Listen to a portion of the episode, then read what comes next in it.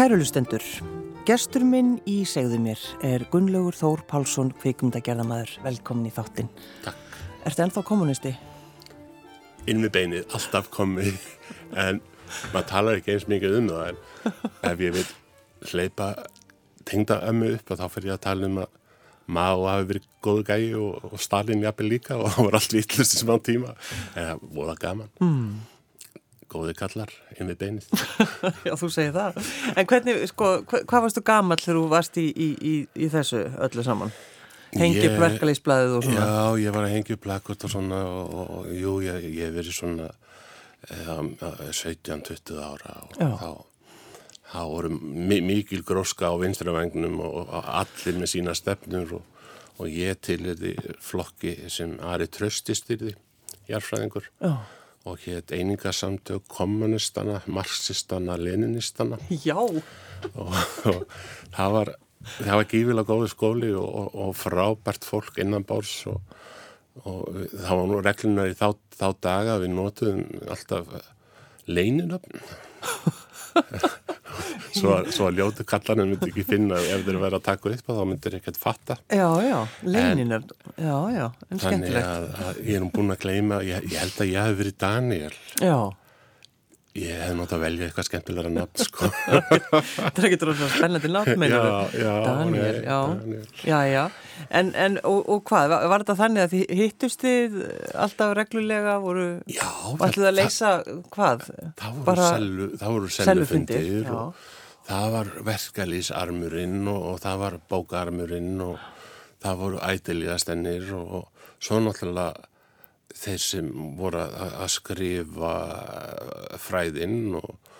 og það var svolítið svona, þetta þetta var mjög gaman og Og, og, og það var hins vegar alltaf, alltaf erfitt að þetta var svo mikið námsmenn og, og langskóla að hafa lítið um,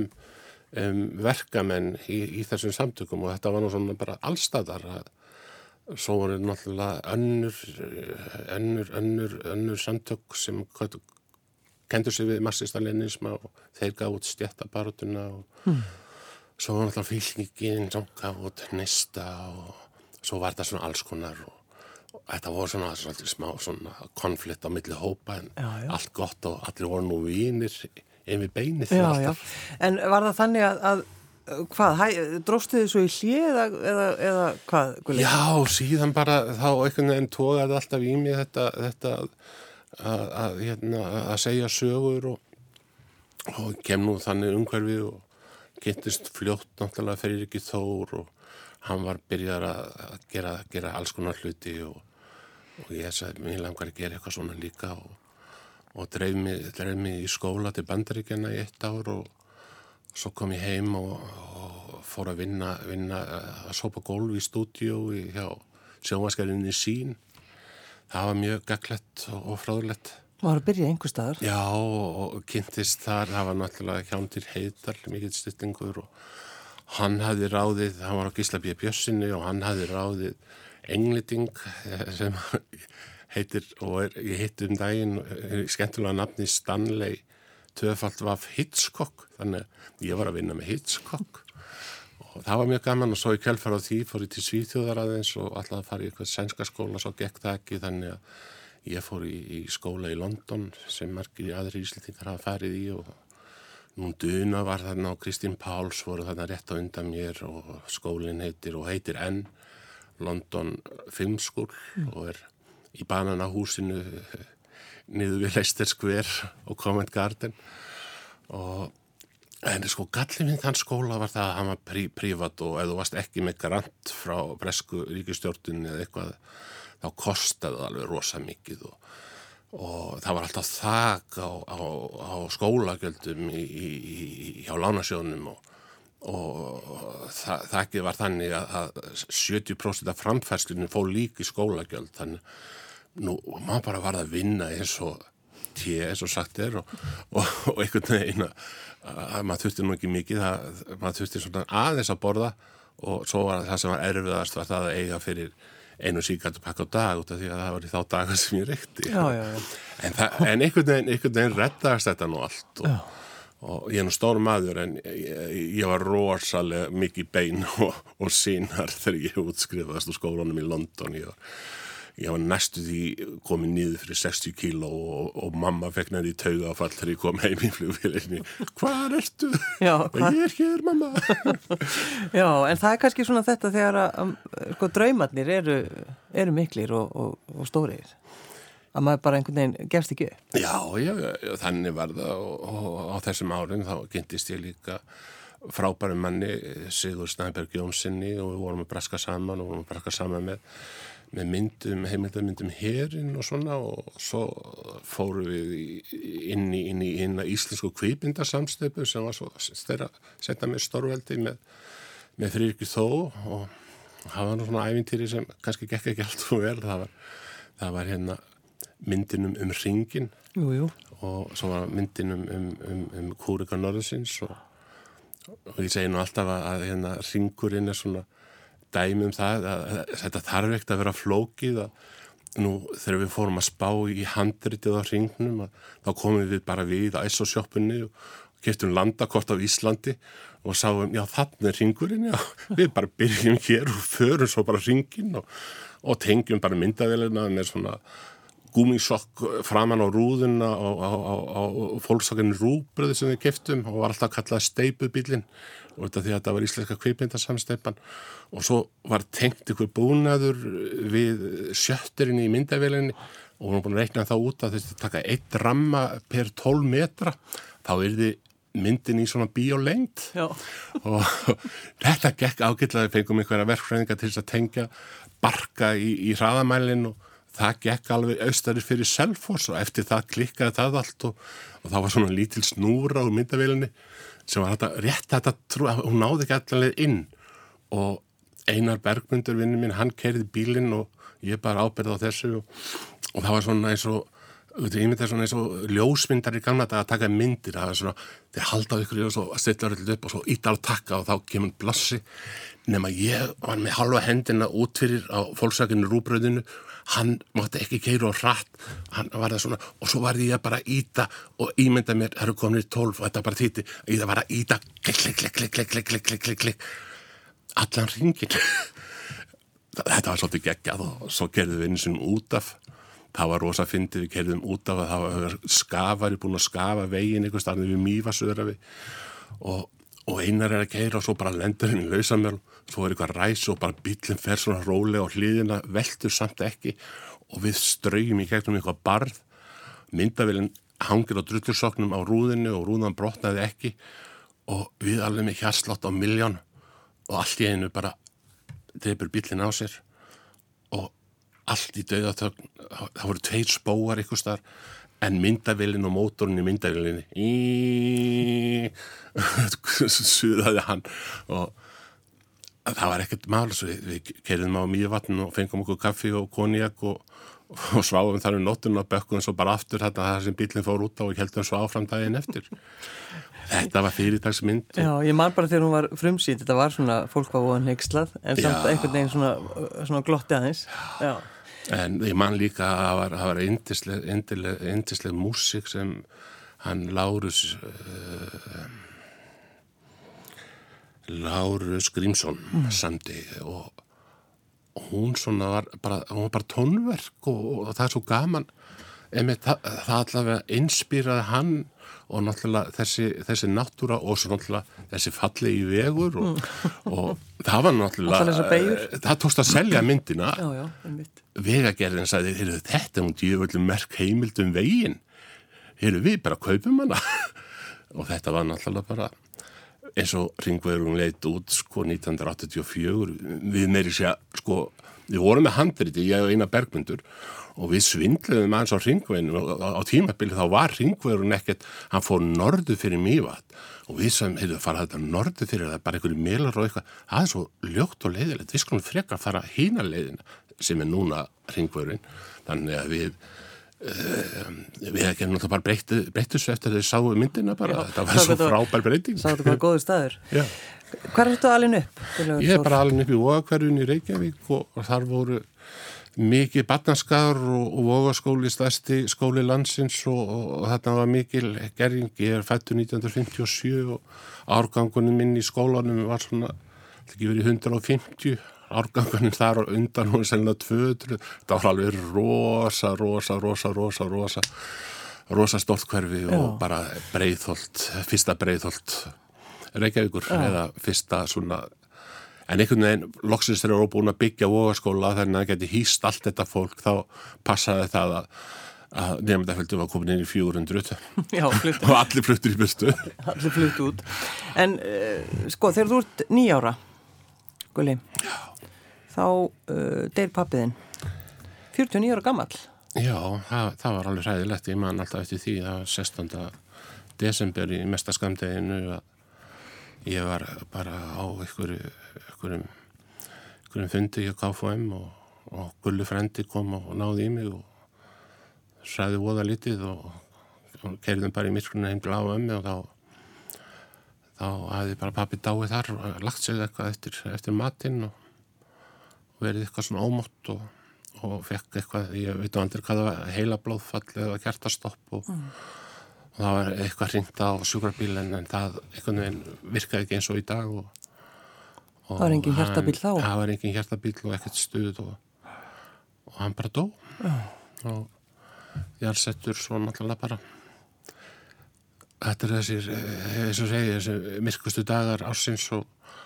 æfing líður alltaf frekar leiðilega á þessum ástíma og þykir alltaf rosalega gott þegar ferða að byrsta aftur Já.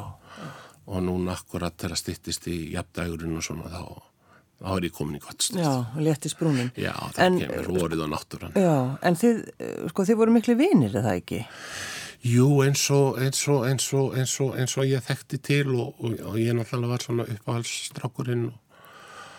og uh, jú, hann var bara, hann var eindislegur, eindislegur pappi og. Hva, við hvað starfaði hann? hann var allt svo ramasverkfræðingur og var ramas eftirlitstjóri ríkisins á þeim tíma og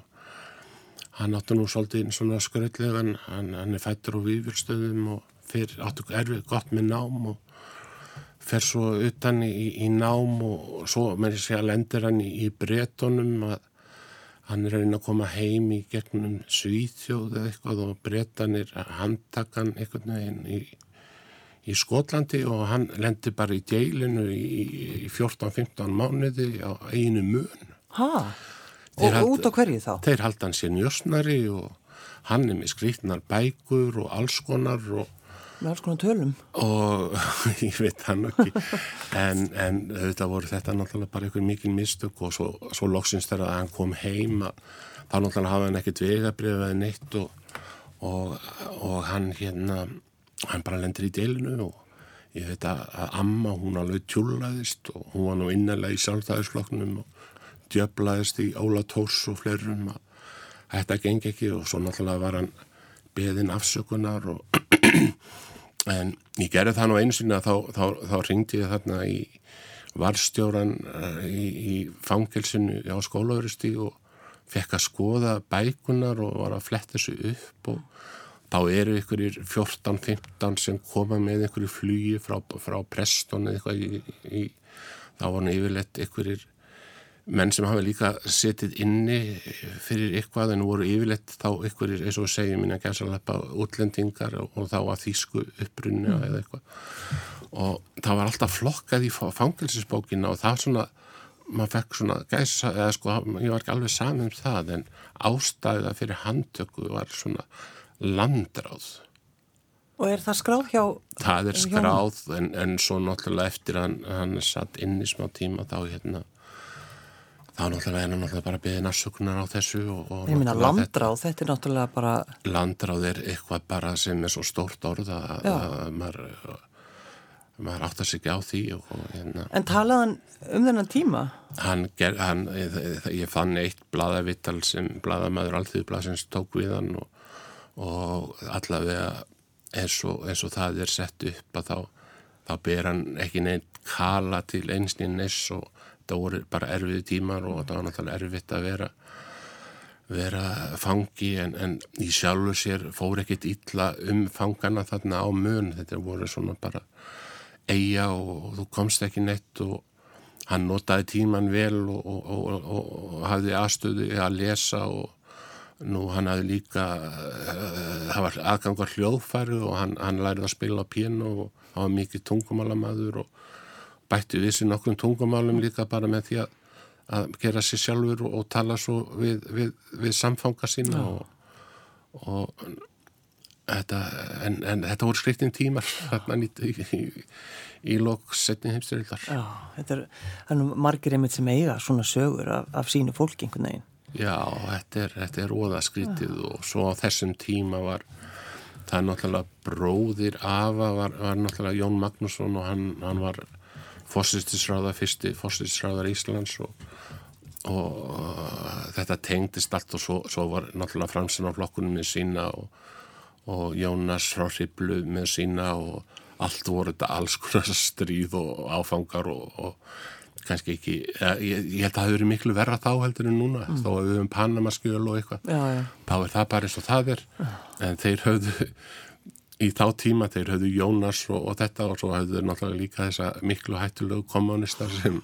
sem voru, voru í kommunistaflokknum, sósélistaflokknum og síðan alltíði bandalegi. Jú, jú, stór hættulegt fólk. Stór hættulegt fólk. en, en sko, afiðin hann kynist ungri stúlku? Já, amma,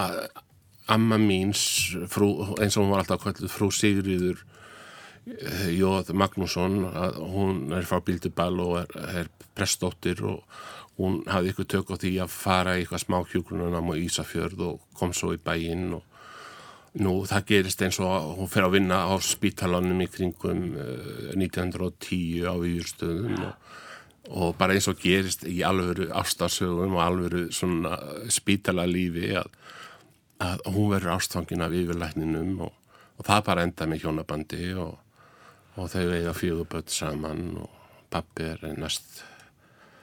þriði elstur, já. Oh. næst, nei næst elstur. Hún var aðeins yngre en hún, hún náttúrulega það sem vatti fyrir henni líka. Var með, með stóran hún var elst í stórun sískinahópi og, og það var mikil fátætt og orbrið og fólk að flytja á möluna og það er náttúrulega bara eins og allir voru á þessum tíma bara hjálpa sér og sínum og koma öllum og og ef það þurfti að, að, að bjarga einhverjum börnum og svona þá bara var börnunum bjargað. Og, og, og þú bara bætti við þig og tóst á þig. Ekki, ekki, ekki, ekki þetta nútíma system sem er en í dag að sparka bara öllum aftur til Írans eða, eða Gríklands, það er ömulegt í kannan daga bara voru bara fjölskyldan og börnin sem bara þess, þess að það var bara bjargað. Já, og já var enginn að tala neitt mikið um það? Nei, bara hjálpa fólki. Já. En eh, sko lífið þitt, Gulli, lítur hafa breyst náttúrulega mjög mikið, nýja ára gammal að missa eh, pappaðinn og mamma þín, hún sem sagt bara eins og þú sagðir á þann, já, mamma var svona ekki að með stóru e. Já, það, það, það var þannig að, náttúrulega að einhvern veginn var þessi, þetta samtfélag það byggðist, það var mjög kallagt og er náttúrulega enda svolítið kallagt en en svona og, og náttúrulega allur þeirra vínahópur var svona í gegnum pappa og það sem fór í gegnum hann og, og svo náttúrulega þegar hann fellur frá og þá verður eitthvað rosalega tólrými þar á bakvið mm. þannig að, að ekki það að, að bara hún einágrast svona og hefur ekkert að samneiti lengur nema við ykkur og, og svo dopnar það bara með áraunum og svo verður það bara missjón á mömmu að að koma strákonum upp alls og mér og, og, og, og Sigga bróður sem er fimm árum eldri og það bara og síðan náttúrulega af og amma sem uh, fluttir svo heim til okkar og það þurfti að laga húsið og svona og það svona svo náttúrulega falla þau frá og hún einhvern veginn hún verður svona eins og segjum ekki að mér stóri og bara því miður fann engan nýjan lísförunut og og það bara getur stundum Hva, Hvað var hún gömur þannig? Hún er sko hún er 43 ára þegar pappi deyr Já. og það er bara engin aldur Nei Hvenar Gulli tókst fórst að taka eftir myndunum málverkunum hans Ekkes Péturssonar? Það er nú að, ég, ég viss alltaf af þeim og, og og það var náttúrulega, það var náttúrulega á stóru síningunast 2007 á kjarvarstöðum og það var mjög eftirminnileg síning og ég geri því náttúrulega góð skil í, í myndinum ekkert og, og svo náttúrulega hef ég skoðað bækur og, og allt það og það sem hrýfu mig og ég, ég nú svo bara segi bara út af því að bara segi alltaf það sem ég finnst að mér finnst það bara svo rosalega fallegar ég, hann, hann, hann, hann flokkar sig sem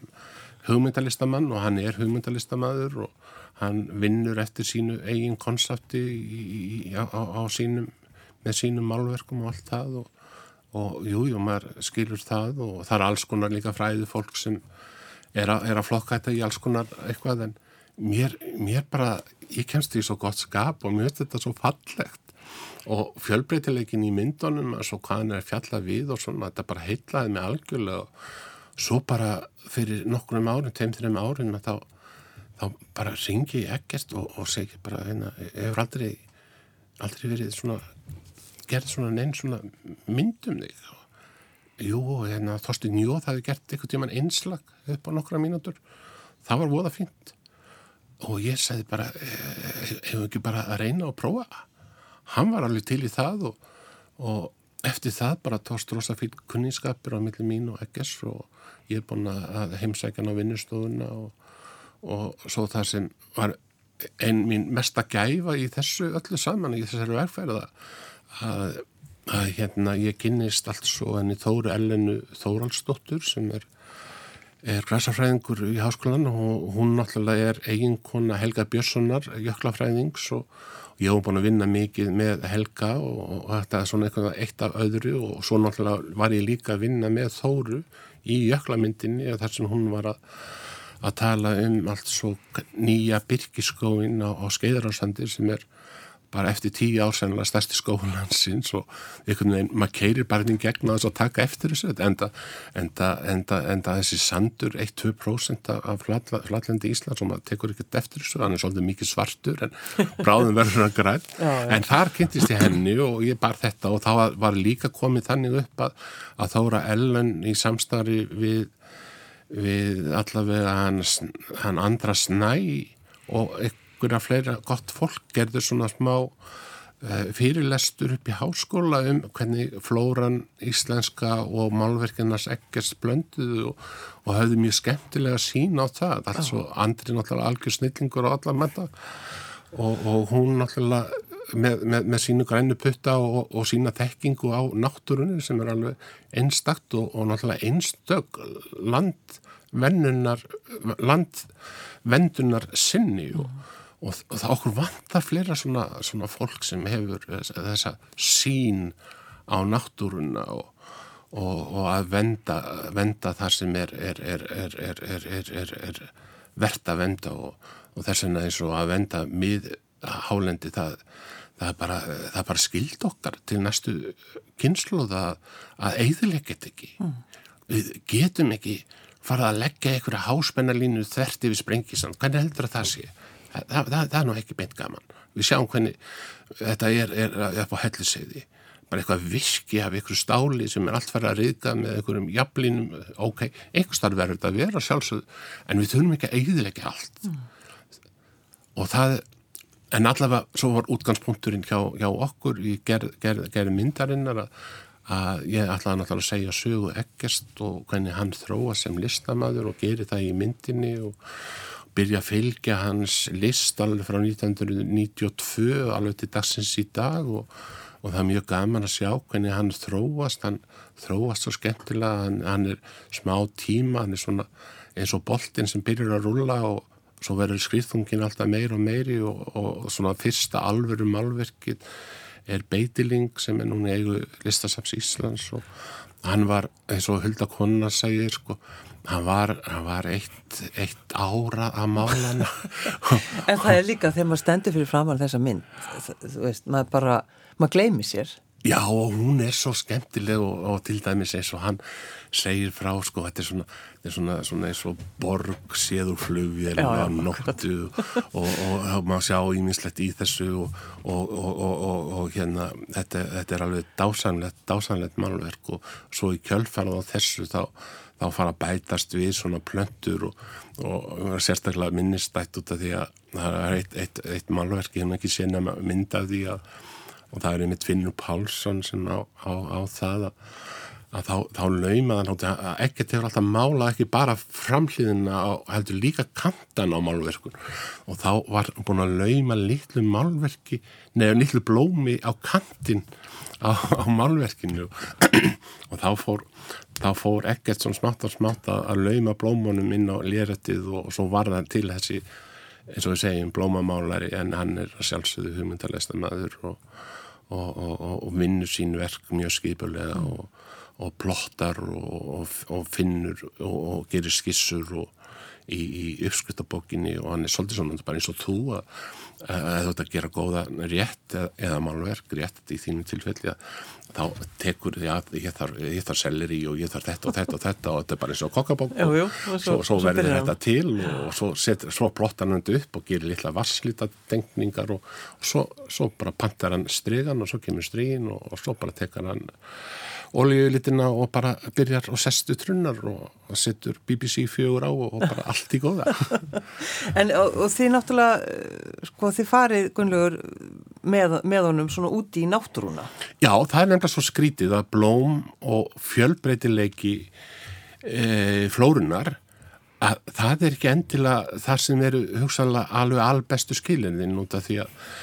að þetta er svo mikið háð hvernig, hvernig veðrattan er og og það er eh, náttúrulega eins og í östur skaftafyrsíslu og þar, þar er náttúrulega bara heitast í hluti landsins og þar vonum við þar vonum við líka svolítið að vinna og,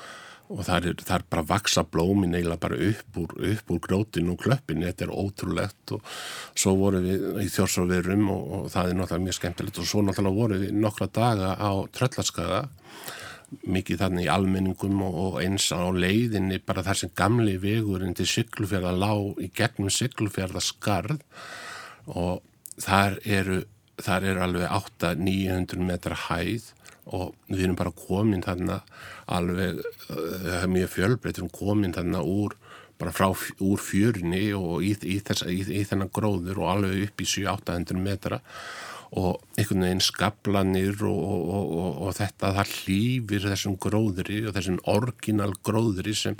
líka hefur ekki verið bitin á sögindin út af því að það er ekki takt að hafa mikið á rollum þarna út af því að það bara get ekki getið þetta, það er ekki hægt að vera úti það er svo mikil snjór og svo náttúrulega fer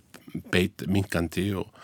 og þessi, þessi flóra er svo fjölbreytt á þessu svæði það er alveg með ólíkindum og, og svo kemur, kemur alltaf vatnið og, og, lindinar og vatnið er uppsprettan og svo kemur sólinn og þetta verður allt svo ábosla þetta samspila af, af, af, af veðrinu og svo blóngast þetta, þetta, þetta er svona bara eins og í ævindiri að þetta er allt í blóma í nokkra vikur og svo bara byrjar, byrjar þetta aftur. Og þarna á þessu svæði og eins á vestfjörðum og, og á östfjörðum þar eru, eru, eru, eru mestu er fjölbr, mestu fjölbreytileiki í náttunni og þetta ber okkur að venda og, og við erum bara norður við heimsköldsbaug og, og sem betur fyrir eru auðvitað fólks að opna fyrir þessu að hérna, við verðum að venda þetta og bara eins og eins og það er svo makalust eins og þegar ég var að gera jöklamyndina með og, og þá, þá fór ég á heimsótti bæði Þóru og, og Kristján Svavastóttir sem hafa verið að vinna við rætu breyðamerkujökuls breyðamerkujökuls er búin að hopa tíu kílometra á einnig mannsæfi frá 1930 það er ótrúlegt. Og við vorum komin hérna bara svona, við vorum að svæði svona, bara svona 800 eh, kilómetr frá jökuljæðrinum og á svæði sem hafi bara komið undan jökli fyrir svona 3-4 árun og þær gera svona, þær setja svona litla eitthvað gerðingu 50-50 metra og svo telja það bara. En það var ótrúlegt á, á, þessum, á þessum stað á, á 3-4 árum þá voru komin allt svo tæplega 40 mísmunandi tegundir af flóru eftir þrjú ár og, og, og þetta er bara þetta er bara grjót, þetta er bara þetta er styrilt fyrir fjórum árum. En bara fugglanir koma og, og þá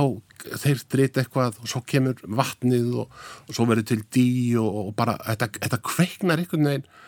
þetta er bara svo biblíusunar þetta er bara, þetta er bara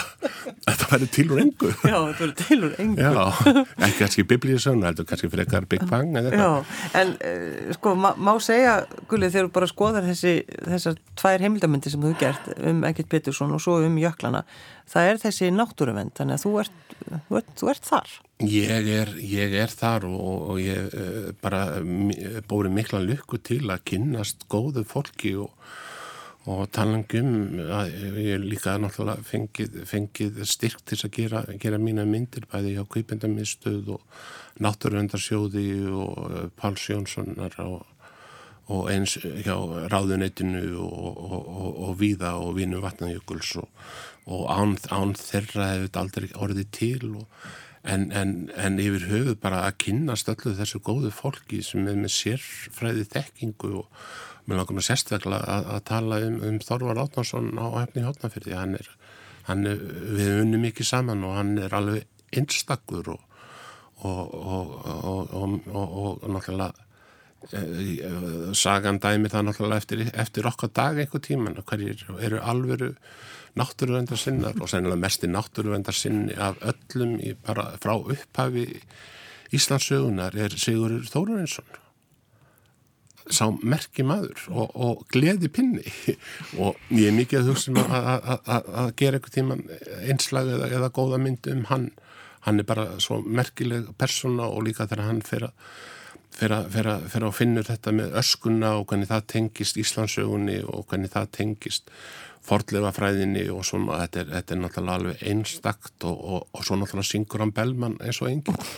Hvað er það að hugsa sér? Það, er, það er ekkit betra. En uh, þú ætlar að frumsýna Gulli, myndina núna þegar ekki? Nú er það bara á, nú bara krolsuðu puttana og, og þetta er náttúrulega erfitt núna á tímum tímum hérna ekki kólerunar heldur hérna Þannig að það er Stokkvís Þannig að það er Stokkvís filmfestival og, og myndi verður fremsynd á sunnudag ef Guðleifir og ég hlakka óskaplega til og, og hérna er búin að verðum að vinna þessari mynd í tvö ár og aðal tökunar fóru fram núna í sumar og gekk alveg ótrúlega vel og hann heppin með veður og bara, bara heppin með allt og frábært og, og Óli minn, myndatökumæður er náttúrulega algjör snillingur að hann, og þólum með þín að liggja fyrir framann eitthvað blóm og með linsuna alveg onið í og,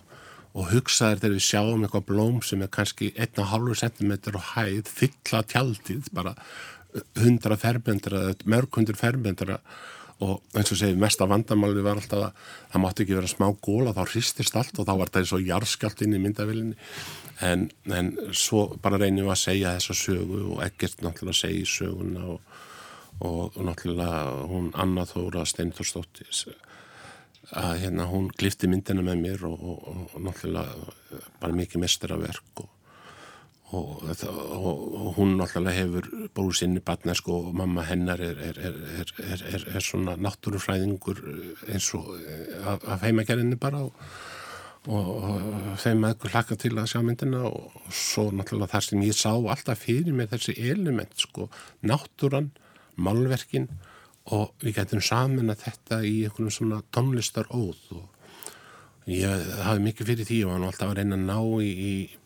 í, eins, og, eins, og, eins og sagt er uh, tónskald uh, af, af hínukininu því miðan það gekk nú ekki nógu vel en er náði skottið á alla örfa sinni og hann er, hann er alveg einstakur og og hann, hann, hann byrjaði og kom þessu öll á stað og er heldur utanum alla, alla tónlist í myndinni og, og svo á síðustu metrónum þá fengum hann Sindra Má Sinn Fang sem var nú bara í gær, hann var allavega tilnæmdur til íslensku tónlistavelununa núna í bara í gær en því miður vann hann ekki, ég var tilbúin alveg með símanum að senda SMS á hann. Yes, yes, yes, en, en það var ekki.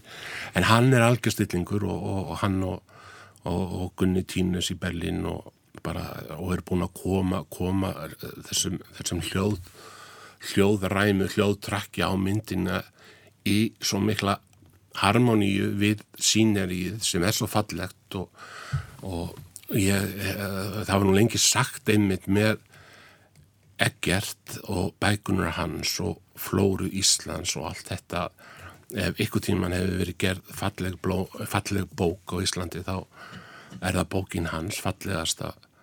bók Íslands. En ég bara segi með myndina mína eins og málverk eftir Eggert Pettersson ég held að þetta sé bara fallegasta bíómynd sem hefur verið gerð á Íslandi. Gunnlegu Þór Pálsson, kveikmyndi gera maður Takk fyrir að koma